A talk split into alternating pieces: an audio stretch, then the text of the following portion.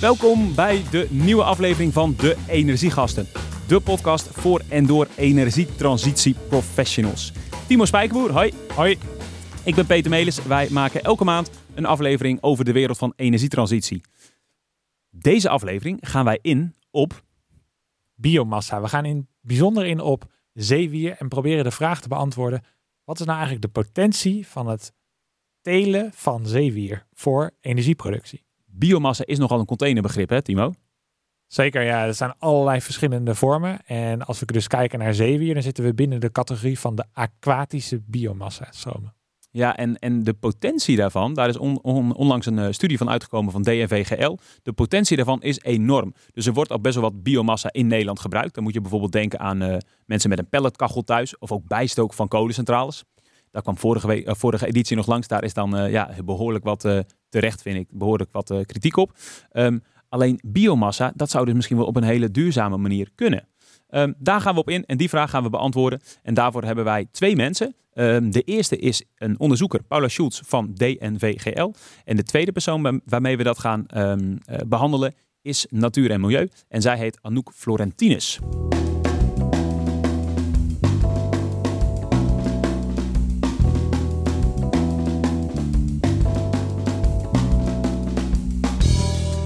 We gaan in op het uh, onderzoek dat gedaan is door DNVGL. Uh, een van de onderzoekers daarvan is Paula Schultz.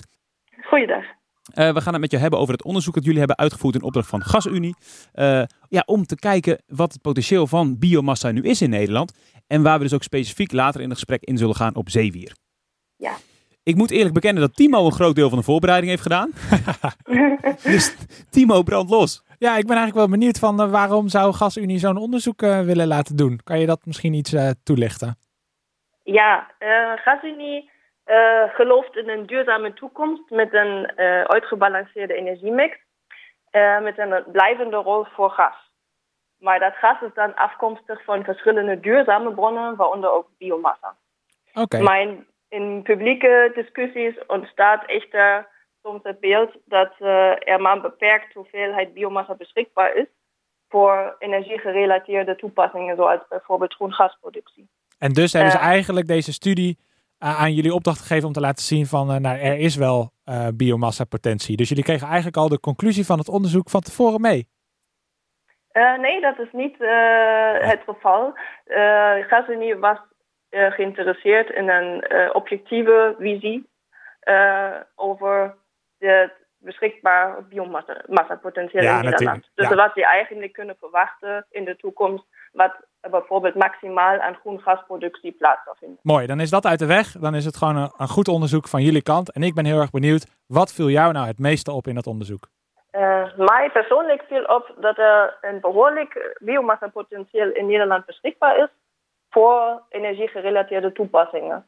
Als we het vergelijken bijvoorbeeld met uh, zonne-energie, met het potentieel van zonne-energie, uh, zien we dat in Nederland uh, op de daken, met zonnepanelen op daken, ongeveer 180 petajoule aan elektriciteit opgewekt kan worden.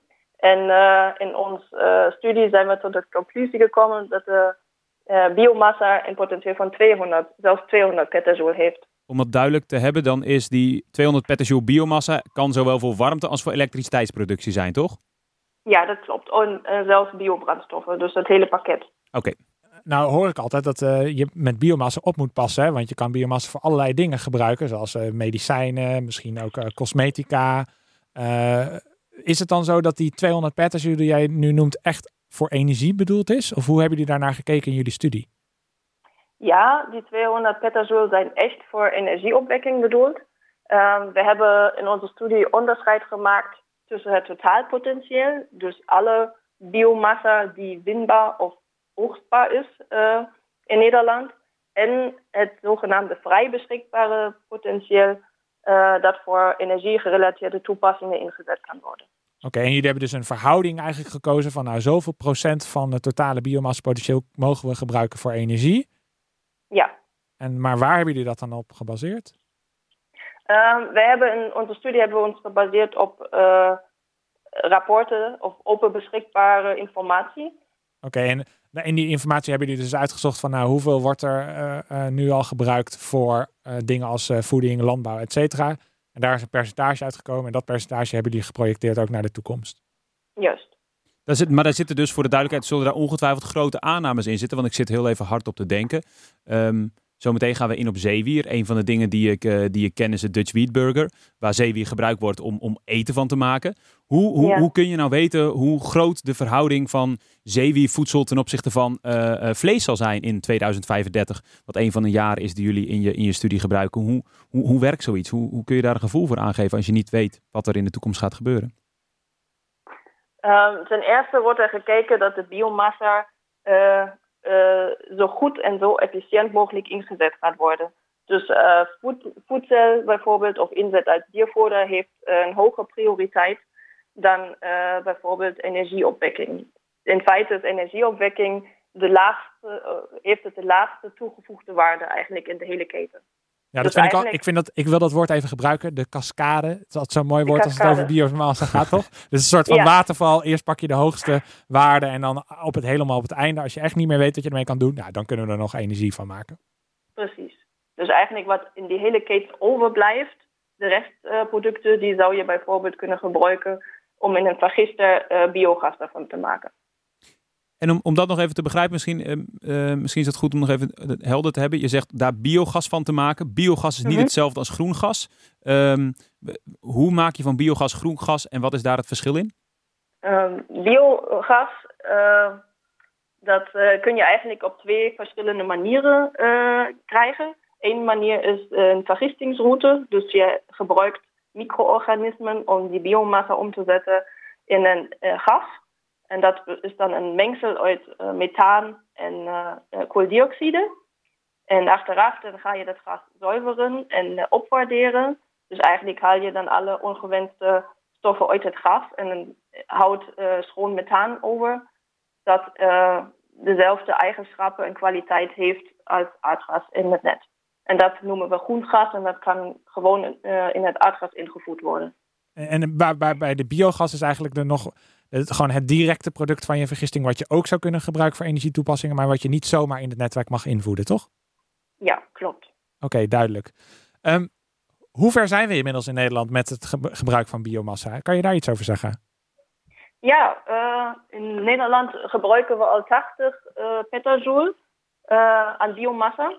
80 petajoule van de in totaal 200 potentie. Dus we zijn dan wel flink op weg we zijn al flink op weg. Uh, vooral als je rekening houdt uh, ermee dat uh, van die 200 petajoule dat een deel nog niet eens geproduceerd is. Dus bijvoorbeeld de zeewier, daar moeten we nog aan beginnen om dat te produceren. Ja, precies. Om, om daar trouwens een beetje gevoel voor te krijgen. corrigeer me als ik het verkeerd heb, op Paula. Maar als ik het goed begrijp, zit uh, ongeveer 20 tot 25 petajoule van die 80 zit al in het simpelweg uh, verstoken van hout thuis. Of in de vorm van pelletkachels die mensen thuis hebben staan. Of in de vorm van een kampvuurtje wat je, wat je thuis verstookt. Klopt dat? Dat klopt, ja. Oké. En ook ons organisch afval, dat is nog wel een ander, ander leuk voorbeeld wat ik zag in jullie studie. Ook dat wordt nu al in grote mate vergist, toch? Uh, van, de, van het separaat uh, ingezameld uh, GFT-afval bijvoorbeeld, groente, fruit en tuinafval, uh, wat in de GFT-bak belandt, wordt een, derde, een derde gedeelte op dit moment vergist. Precies. En een, een groot gedeelte van het organisch afval dat belandt helaas nog in het gewone restafvalbak. En dat wordt dan mee verbrand meestal.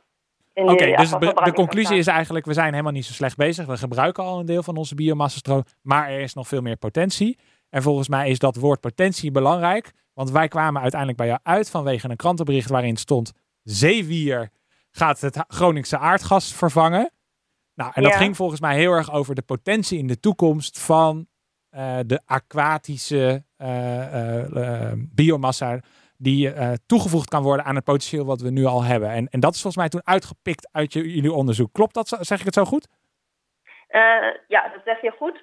Alleen uh, was dat kopje van het krantartikel een beetje misleidend, omdat het niet ging over het zeewierpotentieel, potentieel dat Gronings gas kan vervangen, maar het biomassa-potentieel in zijn geheel. Dus alle biomassa-stromen in Nederland. Dus als we alle biomassastromen in Nederland goed benutten en daar alle andere toepassingen van afhalen, kijken naar het deel wat we alleen nodig hebben voor energie, dan kan dat een kwart van het Nederlandse aardgas vervangen.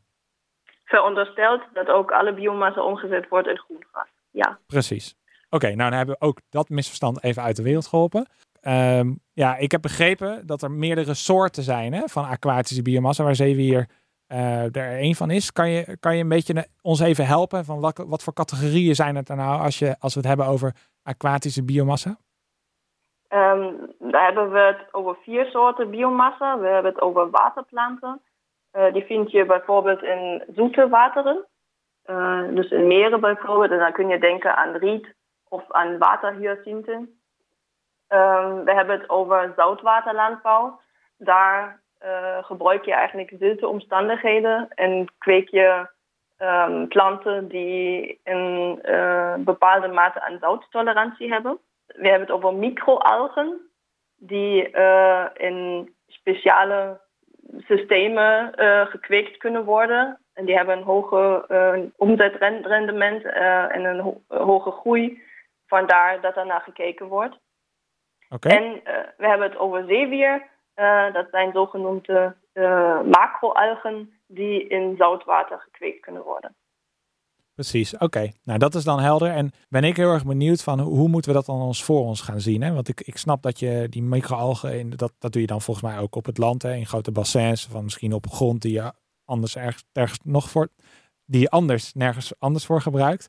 Maar dat -hmm. zeewier, dat, ja, dat blijft ons wel een beetje prikkelen. Kan je een beeld schetsen van hoe ziet zo'n installatie eruit? Waar zouden we dat dan gaan doen? En, en hoe werkt dat dan?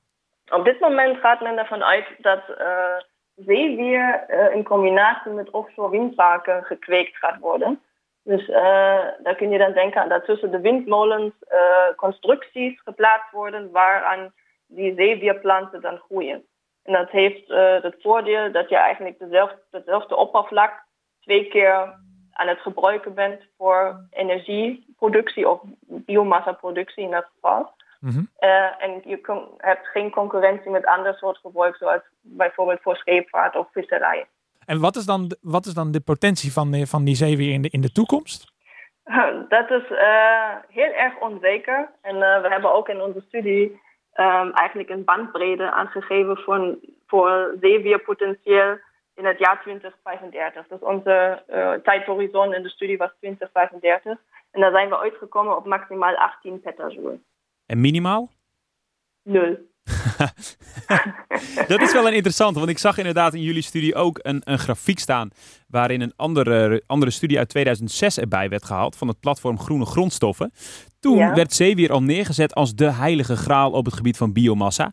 Uh, sterker nog, toen werd voorspeld dat in dit jaar, of eigenlijk ja, misschien vorig jaar, dat al uh, 30 petajoule aan zeewierproductie zou plaatsvinden. Um, nu gebeurt het opnieuw, uh, en dat is voor de duidelijkheid geen verwijt richting, richting jullie onderzoek, maar omdat er in jullie onderzoek heel duidelijk 0 tot 18 petajoule naar voren komt. Alleen het is opnieuw zo dat, dat je dan toch ziet dat heel duidelijk een, een beeld wordt geschetst, ook in media, dat zeewier echt een heilige graal is en dat in 2035 uh, een groot deel van het aardgas vervangen kan worden um, door biomassa zeewier. Terwijl eigenlijk dat, dat, dat dus het tien jaar geleden ook al voorspeld werd. Hoe, hoe, hoe weet je nou dat, dat dat nu echt over dat het nu echt gaat gebeuren? Of is dat inderdaad alsnog niet te zeggen nu?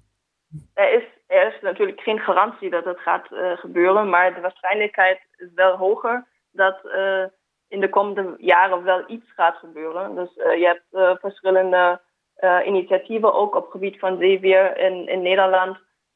Bio Offshore is een van de projecten projecten die uh, in het verleden uh, gerealiseerd zijn, onder andere door, met, met ECN, om uh, te kijken hoe kun je dat eigenlijk echt vormgeven, grootschalige zeewierkweek in de Nederlandse Noordzee. Dus er is ook al gekeken naar constructies, hoe zou zo'n zeewierteelt-constructie eruit zien. Dus dat is ook echt concreter geworden. En aan de andere kant zie je ook initiatieven zoals bijvoorbeeld de Dutch Wheatburger, en de Noordzeeboerderij, dat het echt uh, ook uh, dat er stappen gemaakt zijn richting realisatie. Oké, okay, dus je zegt eigenlijk in 2006 uh, was het echt een hele ruwe voorspelling. En nu zijn er echt stappen genomen en zie je echt ontwikkelingen die ervoor zorgen dat dat potentieel echt dichterbij komt. Dat is, uh, dat is uh, de conclusie hierin. Ja, maar okay. die conclusie is ook dat er nog een hoop moet gebeuren totdat, het echt, dat we, totdat we echt zover komen. Duidelijk. Uh, veel dank Paula Schultz uh, van DNVGL. Je hebt meegewerkt aan het onderzoek uh, over het potentieel van biomassa voor energieproductie in Nederland. voor ons wordt het weer een stuk helderder. En ik denk dat dit een goede aanleiding is om binnenkort eens bij een offshore windpark te gaan kijken. Timo, misschien moeten we daar eens met een zeilbootje naartoe. Ga jij toevallig binnenkort, Paula? nee, ik heb helaas niet de mogelijkheid, maar ik zou het graag willen doen. Oké, als wij een zeilboot geregeld hebben, dan laten we het je weten. Oké, super. Dankjewel. Dankjewel. Graag gedaan.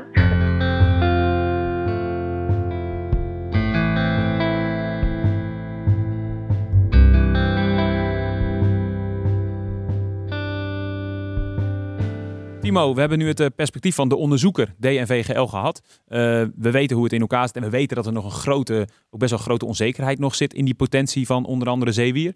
Um, volgens mij is het goed als we het nog iets, uh, iets, iets dieper de materie induiken. Ja, klopt. Ik vind altijd dat zeker als het gaat om, om een onderwerp als gas, waar Nederland natuurlijk ja, heel rijk van is geworden en er grote bedrijven zijn zoals GasUnie die daar jarenlang ook ons geld mee hebben verdiend en als die dan nu komen met ja, uh, de nieuwe toekomst met gas, moet je toch altijd een beetje opletten. En het lijkt me dan niet verkeerd om nog eens een andere organisatie, bijvoorbeeld een natuurorganisatie, te vragen hoe zij kijken naar dit onderzoek. We hebben Natuur en Milieu gevraagd uh, naar hun reactie. En uh, Anouk Florentines, die is in de uitzending. Zij is programmaleider Schone Mobiliteit. Welkom in de Energiegasten, Anouk. Dankjewel. Wij beginnen met ons vertrouwde onderdeel Quote of Quatsch. Dat zijn uh, quotes uit de media van de afgelopen tijd. Um, en aan jou en Timo de vraag, wie heeft dat gezegd? En het gaat echt om de harde energiegastenpunten, dus uh, de eer is er hier te verdienen. Um, ik begin meteen met de eerste quote. En dat, de quote is, dit, en dan gaat het om CSR, oftewel Corporate Social Responsibility. Dit zijn voor ons randvoorwaardelijke issues, maar wij zijn natuurlijk niet op aarde om duurzaam te ondernemen. Zij A. Peter Bedowski dat van uh, Boskalis, de CEO. Zij B. Dick Boer dat, CEO van Ahold Delhaize. Of C. Peter Smink van Nuon Energy. Timo, wat zeg jij? Lijkt me voor alle drie zelfmoord, dus... Uh, jij zegt D. Niemand? Ik kan me niet voorstellen dat iemand dit gezegd heeft. Dat zou een strikvraag kunnen zijn. Oké, okay, Timo gaat voor D. Anouk, wat zeg jij? Ja, ik vind hem ook heel ingewikkeld. Wat was optie A ook alweer? Peter Berdowski van uh, Boskalis. Nou, ik ken ze toch alle drie uh, in vergroening en verduurzamingsinitiatieven. Dus ik zou ook zeggen uh, geen van drieën. Hmm, allebei geen punten. Het antwoord was A. Peter Bedowski, uh, CEO van Boskalis. Hij heeft het gezegd in een interview in, van BNR, Zaken doen met. Um, en daarin was eigenlijk de conclusie dat uiteindelijk de aandeelhouder betaalt, bepaalt en betaalt. Um, en dat, ja, daar werd nogal wat kritiek op geleverd. Ik zag een discussie daarover op LinkedIn. Er is uiteraard uh, een quote uit het interview, dus hij heeft ongetwijfeld ook een ander deel van het verhaal erbij, maar ik vond het ook erg opvallend. Um, quote 2. Buma vindt dat de markt het klimaatprobleem moet oplossen. Dan legt een aantal goedwillende mensen zonnepanelen op het dak en verder gebeurt er niets om het klimaatakkoord van Parijs uit te voeren. Zij A. Jan-Peter Balkenende dat over Buma, B. Herman Wijfels of C. Jesse Klaver? Anouk, wat zeg jij? Uh, volgens mij B. Herman Wijfels. Timo? Mm, denk het ook, ja. Allebei één punt. Dat klopt. Herman. Wijfels zei dat nadat de formatie geklapt was. Um, en dat is inderdaad wel opvallend hoe uh, Sibrand Buma uh, in een andere wereld lijkt te leven. Ja. Uh, dan quote 3. Het havenbedrijf, dat verantwoordelijk is voor bijna een vijfde van de CO2-uitstoot, vaardigde bijvoorbeeld drie mensen af. Dan heb je moed en spierballen. Zij A. Bojan dat over een expeditie waar het havenbedrijf Rotterdam zich voor aanmeldde. Wat te maken heeft met zijn missie om de oceaan van plastic te ontdoen. B. Anna Schoenmakers, directeur Greenpeace Nederland, over een tochtje op de Maas met klimaatvervuilers. Of C. Bernice Notenboom, klimaatjournalist en beroepsavonturier over haar onlangs gemaakte reis richting Spitsbergen. Timo, wat zeg jij? Uh, havenbedrijf Rotterdam. Uh, dus die, zeg maar die rondvaart. De rondvaart bij het havenbedrijf, dat is A. Bojan Slap. Anouk, wat zeg jij? Oeh, wat was de quote? Het havenbedrijf, dat verantwoordelijk is voor bijna een vijfde van de CO2-uitstoot, vaardigde bijvoorbeeld drie mensen af. Dan heb je moed en spierballen. Ik kan bijna niet anders zeggen dat Anna is in een uh, licht cynische toon. hey, het was Bernice Notenboom, antwoord C. Uh, Het havenbedrijf was mee op die reis. Uh, en ondanks dat ze dus een grote vervuiler zijn, hebben ze maar liefst drie mensen op die expeditie mee laten gaan. En ik heb daar veel over gelezen over die expeditie. Heel impactvol voor iedereen die mee is geweest. Uh, mocht je daar wat meer over willen weten, check gewoon even Google op die expeditie van Bernice Notenboom. Heel erg vet. Anouk Florentines, um, jij bent uh, programmaleider Schone Mobiliteit bij Natuur en Milieu. Jullie worden ook vermeld in het onderzoek dat DNVGL heeft uitgevoerd voor GasUnie. Hoe zit die relatie precies, om daarmee te beginnen? Uh, wat we met GasUnie aan het verkennen zijn, is hoe kunnen we gaan verduurzamen. En daarin hebben we ook gesproken over de rol die biomassa daarin zou kunnen spelen. Nou, en toen hebben zij uh, besloten om een opdracht te geven aan DNVGL. Uh, voor verder onderzoek naar wat dan het potentieel van Nederlandse biomassa zou kunnen zijn. En daar hebben wij in meegekeken. Wij zijn zelf niet de opdrachtgever geweest, maar wel meegekeken. En zowel wij als GasUnie raakten in dat onderzoek van de resultaten vooral heel erg enthousiast over zeewier. Oké, ja. En zeewier is daar inderdaad daarna ook veel in het nieuws geweest. We hebben het daar net uh, uitgebreid met uh, Paula Schultz over gehad, over dat onderzoek zelf. Um, om heel even naar het grotere plaatje te kijken. Jullie als natuur en milieu um, um, nemen stelling in, in, in de energietransitie. in dit onderzoek wordt heel duidelijk een rol weggelegd in de toekomst voor gas. Aan de andere kant zie je ook uh, bijvoorbeeld onlangs het Van Gas Los Festival. je ziet een trend van gasloze woningen, et cetera. hoe zien jullie die trend? hoe zien jullie de rol van gas in de toekomst? Ja, natuur en milieu ziet geen rol meer voor gas in de gebouwde omgeving. Dus uh, voor de gebouwde omgeving zien wij voldoende andere duurzame alternatieven. Uh, zoals elektrisch koken, warmtepompen, warmtenetten op duurzame warmte, zoals geothermie en duurzame restwarmte. En dan is het zonde om daar uh, gas en zeker schaarser groen gas voor in te gaan zetten. Dus het groen gas wat wij uit echt duurzame biomassa, zoals zeewier, kunnen produceren, is dus niet oneindig. En uh, daarom willen we die schaarse vorm vooral inzetten, slim inzetten, uh, in die sectoren waar weinig tot geen duurzaam alternatief is. Waar hebben we het dan over? Ons, dan hebben wij het vooral over uh, schepen en lange afstandtransport met vrachtwagens, waar je groen gas zou kunnen inzetten. Oké, okay, en, en industrie, hoge temperaturen industrie wordt dan ook vaak genoemd. Is dat ook dan nog één die erbij hoort of is daar een andere oplossing voor? ja, dan zou je ook kunnen kijken naar directe biostoom. die zou je dan ook mee kunnen nemen. ja, dan hangt het een beetje af welke biomassa grondstof je hebt om te kijken welke technologie je in kan zetten. Directe biostoom, wat is dat? Ik ken dat eerlijk gezegd niet. Ja, dan gaan we misschien een beetje off topic. Uh, maar dan ga je meer naar de houtige biomassa stromen kijken. Uh, en of die voorradig zijn en of die vooral ook duurzaam voorradig zijn. En dan zou je kunnen kijken of je door middel van hoogwaardige verbrandingstechnieken, of je daar dan warmte uit kan halen. Okay. Stroom uit kan produceren. Dus er is een, eh, een, een, een rol voor, voor biomassa eh, in de energieproductie. En specifiek voor zeewier, daar zijn jullie heel enthousiast over. Waarom zijn jullie specifiek zo enthousiast over zeewier? Uh, we zijn heel erg enthousiast over zeewier, omdat het bij uitstek geschikt is om overtollige nutriënten af te vangen die in de deltagebieden, zoals rondom onze Noordzee en vooral Nederland natuurlijk als deltaland, uh, de zee invloeien. Dan moet je denken aan met name fosfaten, die volgens sommige wetenschappers een, een groot tekort van gaat ontstaan, mijnbaar fosfaat. En wat uitspoelt letterlijk gewoon via het grondwater en de intensieve landbouw die we bedrijven, de zee in gaat en vanuit daar helemaal verdwijnt. Naar de diepzee uh, is zeewier een gewas wat je kan gaan telen in die flux van nutriëntenuitstroom. En daarmee dus in feite uh, nutriënten weer terugwint. Dit... Wow. Uh, en, en een biomassa inzet. Dat vind ik eigenlijk een van de hoofdredenen. naast dat je van de 30% aardoppervlak die we hebben, die we aarde noemen, naar 70% van de aarde overstapt, namelijk uh, de zee. Um, en dat biedt dan dus ook kansen om uh, de zee daarin efficiënter te gaan benutten. Dit is... Dus je, je ziet eigenlijk meerdere functies, als ik het zo hoor. Dat je dus eigenlijk ook een ander probleem hiermee kan oplossen. En dan ook ja, nog eens een keer op een, op een gebruiks, uh, ruimtegebruiksvriendelijke wijze.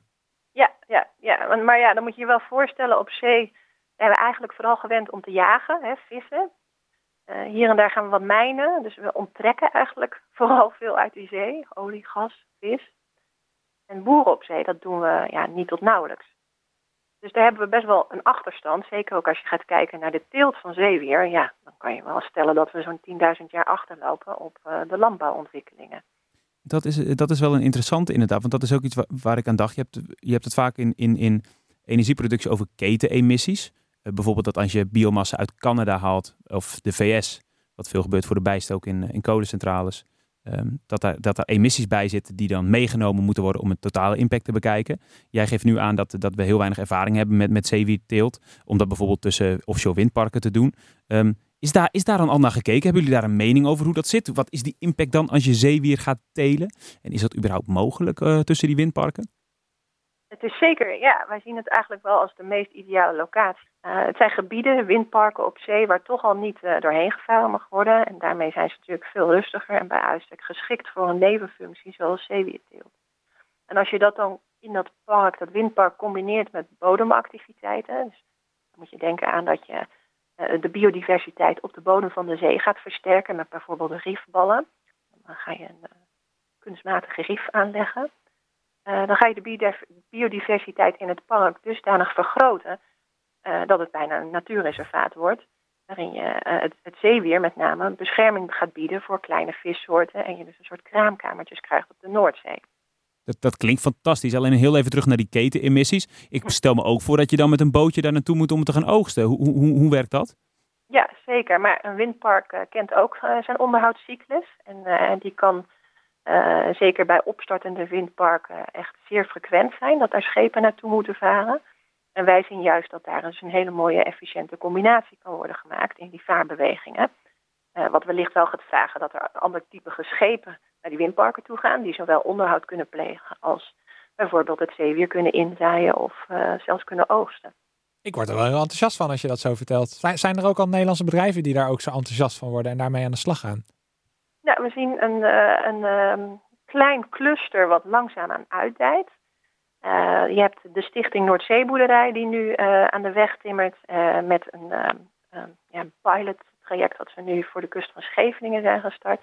dat hebben ze onlangs geoogst. is eigenlijk ook rondom wat wij hiermee naar buiten zijn gegaan ook in het nieuws gekomen. En zij werken bijvoorbeeld samen met een grote scheeps techniekleverancier IHC, die dus schepen bouwt en ook allerlei andere offshore technologieën bouwt. En dat is ook ja, bij uitstek eigenlijk iets waar wij als uh, Nederlandse industrie heel goed in zijn. Hè, specifieke schepen ontwerpen en uh, ja, op de offshore uh, omstandigheden om daar te functioneren en activiteiten te plegen. Veel kansen, veel mogelijkheden. En vooral dat van die fosfaatkringloop vind ik ook wel echt heel interessant. Dus je zegt eigenlijk dat er een soort zeewier vergiet voor onze kust kan komen te gaan liggen. Uh, veel kansen voor Nederlandse bedrijven, de offshore business uh, die daar uh, kansen in kan pakken. Stichting Noordzeeboerderij noem je. Um, voor de duidelijkheid, eet jij zelf vaak zeewier, Anouk? Ja, je kan bijvoorbeeld bij de Bagels and Beans, bekende keten, kan je de Dutch Wheat Burger eten. Um, dat is echt, ja, dat is een, een, voor de veganisten onder ons een volledig verantwoord maaltje. Waarin je een zeewierburger eet met zeewiersaus eroverheen. Uh, echt een aanrader. Ja, en als aanvulling erop, een tijdje terug heb ik voor het eerst zeewiertappenade geprobeerd. Dat was lekker joh, echt. echt. Ja. Ik, ik vond het lekkerder dan, uh, om eerlijk te zijn, dan, uh, dan gewoon een traditionele pesto die je uit een potje koopt. Die je zelf gemaakt is, iets anders. Maar de zeewiertappenade was echt top. Ik ga hem proberen. En die Dutch Wheatburger. Houdt niet op. En je zegt dus inderdaad cascadering, het toverwoord van de uitzending kunnen we toch wel zeggen. en daarin is zeewier dus niet de, voor energie niet de eerste stap, maar komt eigenlijk aan het einde van die keten. Ja, zeker. Mooi. Uh, Anouk Florentinus, uh, dank voor je toelichting. Um, en uh, ik zie ook een grote rol voor jullie weggelegd om ervoor te zorgen dat het op een goede manier tot stand komt, die hele zeewierteelt. Zeker, we houden de vinger aan de pols. Mooi, dank. Oké, okay, dank jullie wel. Succes.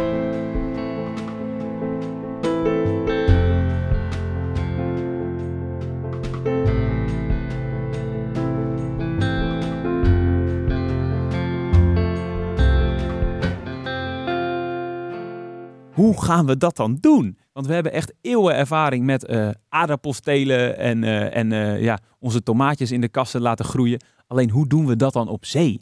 Um, ja, en wij als echte zeevarers als Nederland moeten dat toch ook weten. Dus zijn we de wereld ingedoken van bedrijven die daar al mee bezig zijn. En een van de bedrijven die daar veel mee doet is Hortimare. Ik ben langs bij Job Schipper. Hij is oprichter van Hortimare, een bedrijf dat in 2008 is opgericht. En hij richt zich sinds dat jaar op eigenlijk het veredelen van zaad voor zeewierteelt. Um, en dat doet hij vanuit Herugewaard, waar ik nu ben. Hij zit tevens ook in het bestuur van Stichting Noordzeeboerderij. Uh, dus hij is echt ja, Mr. Zeewier van Nederland, kunnen we wel zeggen. Job, om um, even te beginnen bij het telen van zeewier. Welke stappen heb je in dat proces? Nou, in uh, grote lijnen uh, komt het als volgt op neer. Uh, het is heel vergelijkbaar feitelijk met een, een akkerbouwproduct. dus je begint met zaad. dat, moet, dat is het product wat wij leveren aan de professionele zeewierteler. die zaait dat uit ehm, op zijn zeewierlijnen. hangt het op in zee. En dan is het na een half jaar zover dat hij het kan gaan oogsten. Ehm, en uh, nou, na de oogst wordt het uh, be tijdelijk bewaard en daarna verwerkt. Ik heb begrepen dat jullie veel in Noorwegen zitten. Waarom, uh, waarom specifiek in Noorwegen? Nou, in Noorwegen daar heb je een aantal ehm, factoren die daar heel geschikt zijn voor, voor de wierteelt. ten eerste zijn dat de aanwezigheid van meststoffen. Meststoffen in de buurt van grote viskwekerijen. Um, dat is één belangrijke reden om daar te beginnen. Ten tweede is er in Noorwegen ook nou, voldoende licht natuurlijk wat je nodig hebt voor de teelt. En er zijn uh, goede plekken waar je zeewier kan, een zeewierveld kan aanleggen, kan vastleggen. Uh, dus gekoppeld, uh, verankerd aan de rotsen. Ehm, en relatief rustige omstandigheden in de fjorden. Wat gebeurt er in Nederland? Jullie zijn een van de weinige bedrijven die erin zit, maar er zijn volgens mij ook een aantal spelers die telen. Wat, wat kun je daarover zeggen? Ja, er zijn nu een aantal uh, zeewiertelers in Nederland en uh, die richten zich in het bijzonder nu op de teelt van uh, consumptieproduct. Dus hoogwaardige toepassingen van, van zeewier. En zie je dat ook heel sterk groeien? Dat er steeds meer bedrijven komen die zich op zeewier gaan richten? Uh, jazeker. Nou, uh, kijken we even naar Noordwest-Europa, dan zien we een, een, echt een hele steile groei. in Noorwegen zijn we de laatste drie jaar gegroeid van nou, één of twee telers naar nu ongeveer 40 telers. Dus daar is echt een groot interesse aan het, zich aan het ontwikkelen.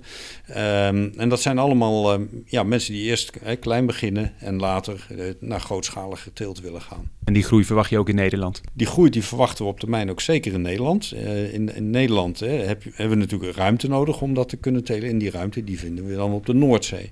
Nou, de Noordzee is uh, uh, nou, best een moeilijke zee. Het is een hele ruige zee. Ehm, dus we zullen ook onze technologie daarop moeten afstemmen en aanpassen. Dat is wel een leuk bruggetje naar het onderzoek van DNVGL. Zij hebben namelijk aangegeven dat zeewier een grote potentie heeft als je het hebt over biomassa in Nederland. En de plek die zij daarvoor aanwijzen, voor het telen van zeewier, is tussen uh, windmolens op zee. Zie je dat ook als grote potentie? Ja, ik zie dat zeker als een, een hele goede oplossing om met name ook het ruimtegebruik van de Noordzee zo efficiënt mogelijk te doen en die ruimte dus te gaan benutten. De, er zitten natuurlijk ook wat haken en ogen aan vast. En die zullen, en dat zijn met name de, de, de, nautische aspecten. Het moet natuurlijk wel veilig blijven. Een, een, veld met zeewier tussen in zo'n windmolenpark. Wat kan daar onveilig aan worden dan? Nou ja, goed, onveilig in die zin, uh, iets moet goed vastzitten. Dus het moet niet op drift raken. Gebeurt dat nu al, zeewierteelt tussen windmolens op de Noordzee bij ons? Uh, voor zover ik weet niet, uh, hoogstens een, een, een, een, enkele lijn. Natuurlijk heeft de stichting Noordzeeboerderij nu een eerste testsite neergelegd. nadat we, wij zelf ook een jaar of vijf geleden een testsite bij Tessel hebben gehad. Uh, waar we hebben ervaren hoe het is om op die, in die ruige omstandigheden op de Noordzee uh, te kunnen opereren. Uh, en niet in alle opzichten is dat een succes geweest. Dus we weten wel waar we het over hebben. Wat is dan die uitdaging daarin om dan toch tussen die windmolens op onze ruige Noordzee dat te kunnen doen? Nou, dat, dat is met name een uitdaging van zeewaardigheid. Uh, dus zeewier uh, kan je uitstekend telen aan lijnen, maar die lijnen moet je wel in de buurt van het oppervlak houden. Want ze moeten licht kunnen ontvangen. Nou, dat is de grote uitdaging. Hoe hou je ze daar en hoe blijven ze gedurende ook de ruige seizoenen intact? Je legt het daar neer, je moet het ook gaan oogsten. Hoe, hoe zie jij dat op de ruige Noordzee voor je? Nou, la, laat zo zeggen. Wij hebben denk ik als Nederland en uh, zeker ook de Nederlandse uh, uh, maritieme industrie heeft een, een, grote ervaring op, met het werken op een, in, op, in ruige omstandigheden. en het is denk ik met name die ervaring die we moeten inzetten daar om dus schepen te ontwikkelen die ook bij windkracht 5 of 6 met een golf met een zee van 2 of 3 meter nog steeds daar kunnen werken. Ik denk dat we daar uh, als, als Nederland een heel interessant exportproduct ook kunnen hebben. Als ik zeewier teel op de Noordzee tussen windmolens, dan zal ik daar um, naartoe moeten om het te planten. Ik zal er naartoe moeten om het te oogsten. En dan komt dan een oogstmachine die dat uit het water gaat halen.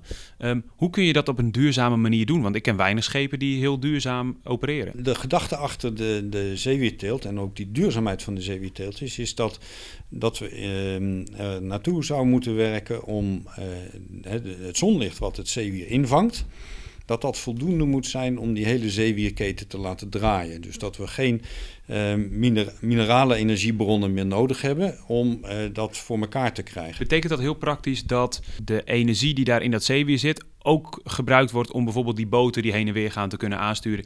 Ja, exact. Dat is echt het, de ultieme uh, circulaire denken. Nog even over um, de, de toepassing van het zeewier dat je oogst. Um, hoe, hoe, hoe zie jij dat voor je? Is het zo dat we bijvoorbeeld zeewier tussen windmolens gaan oogsten die we alleen voor biomassa gaan gebruiken uh, om uh, brandstoffen van te maken of om om te zetten in gas? Of zie jij voor je dat, dat we dat op een andere manier doen en bijvoorbeeld eerst uh, bepaalde stoffen eruit halen en dan een soort restproduct krijgen? Hoe gaat dat in zijn werk? Nou, ik denk dat, dat laatste, um, dat noem je cascadering. Uh, wat we moeten doen, uh, en dat is denk ik de, de moderne kijk op uh, gebruik van grondstoffen en biomassa, is dat we eerst de meest waardevolle stoffen er proberen uit te halen en dan vervolgens daar een goede waarde voor creëren in de markt. Um, en daarna krijg je de wat laagwaardigere toepassingen. Um, en uiteindelijk krijg je ook een toepassing die um, uh, richting de energie kan. Uh, noem het maar het restproduct, uh, maar nog steeds van grote waarde, want er zitten nog steeds een hoop suikers in en uh, carbohydraten die omgezet kunnen worden in energie.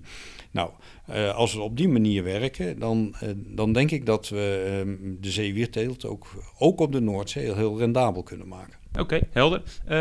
Eén dingetje nog um, over het veredelen. Jullie veredelen zeewierzaden, uh, zeewiersoorten.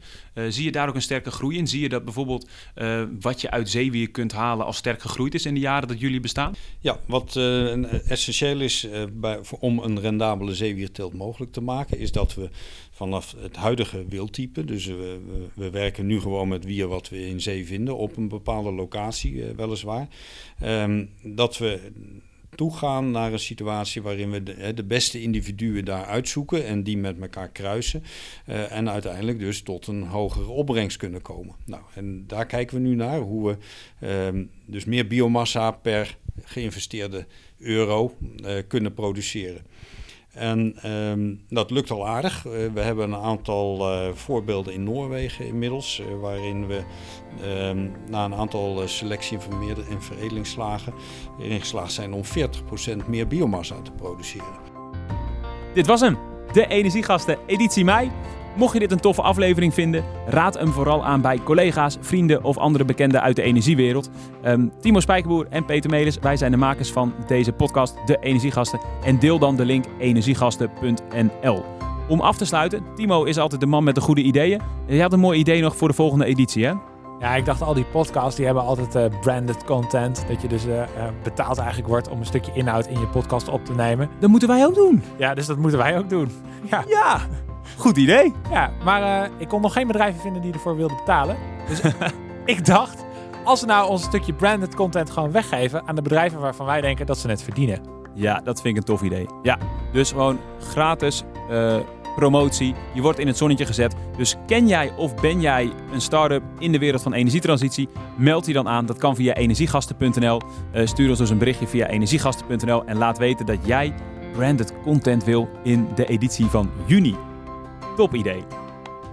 Dit was hem. We spreken elkaar volgende maand.